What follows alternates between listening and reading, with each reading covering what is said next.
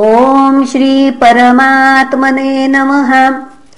श्रीमद्भागवते महापुराणे पारमहंस्यां संहितायां दशमस्कन्धे पूर्वार्धे अथैकोनविंशोऽध्यायः।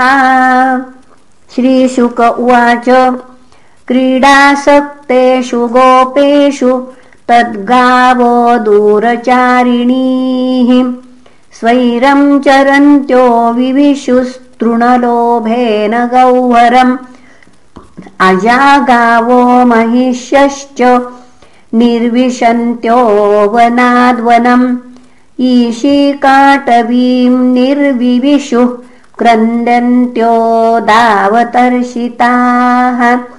ते पश्यन्तः पशून् गोपाः कृष्णरामादयस्तदाम् जातानुतापानविदुर्विचिन्वन्तो गवाम् गतिम् तृणैस्तत्खुरदच्छिन्नैर्गोष्पदैरङ्कितैर्गवाम् मार्गमन्वगमन् सर्वे नष्टा जीव्या विचेतसहा मुञ्जाटव्याम् भ्रष्टमार्गम् क्रन्दमानम् स्वगोधनम् सम्प्राप्य तृषिताश्रान्तास्तस्तस्ते सन्न्यवर्तयन्।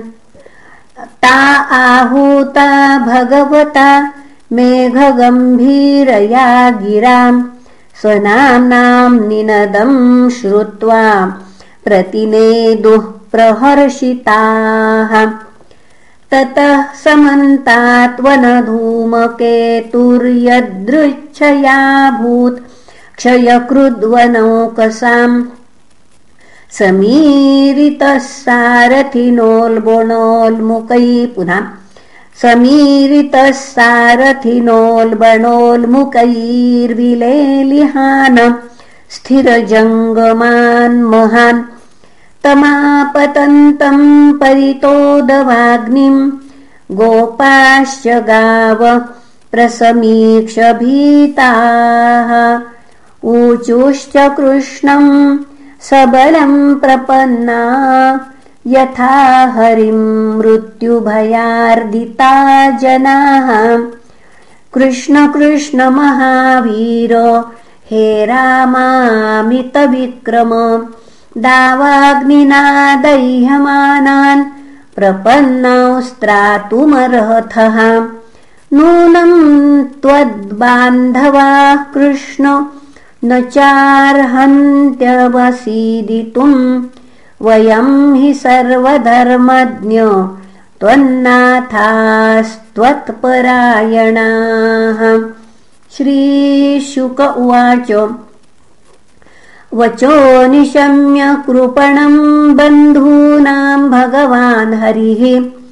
निमीलयतमाभैष्टो लोचनानीत्यभाषत तथेति मीलिताक्षेषु भगवानग्निमुल्बणम् पीत्वा मुखेन तान् कृच्छाद। योगाधीशो व्यमोचयत् ततश्च ते क्षिण्युन्मील्य पुनर्भाण्डिरमापिताः। निशाम्य विस्मिता आसन्नात्मानम् गाश्च मोचिताः कृष्णस्य योगवीर्यम् तद् योगमायानुभावितम्